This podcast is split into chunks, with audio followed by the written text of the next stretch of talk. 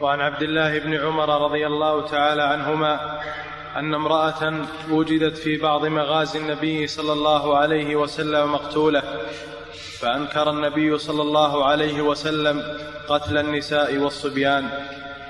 الله جل وعلا أمر بقتل المشركين. قاتلوهم حتى لا تكون فتنة قتال الكافرين. لكن المراد بهم الذين ينشرون الكفر.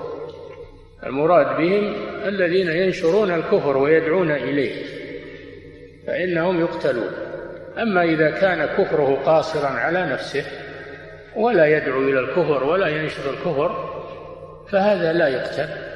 كالنساء والصبيان والرهبان وكبار السن هؤلاء كفرهم قاصر على أنفسهم ولا يدعون إلى الكفر ولا ينشطون الدعوة إلى الكفر هؤلاء لا يقتلون لأنهم ليسوا مقاتلة.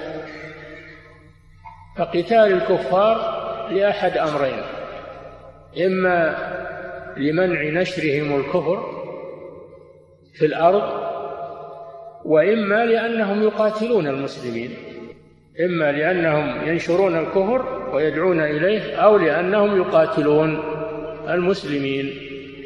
أما الذي كف عن القتال وكف عن الدعوة إلى الكفر واقتصر كفره عليه فهذا لا يقتل. ولهذا لما رأى النبي صلى الله عليه وسلم امرأة مقتولة في بعض الغزوات استنكر هذا وقال ما هذه ما هذه المرأة لتقاتل؟ ما هذه المرأة ما كانت لتقاتل؟ لا يجوز قتل النساء في الحروب. ولا قتل الصبيان في الحروب لأن هؤلاء ليس منهم خطر على المسلمين وكفرهم قاصر عليهم. نعم. أحسن الله إليكم سماحة الوالد. يقول السائل إذا شاركت المرأة في قتال المسلمين فهل تقتل؟ نعم. الذي يقاتل يقتل سواء امرأة أو رجل أو كبير أو شيخ أو راهب. الذي يقاتل المسلمين يقتل.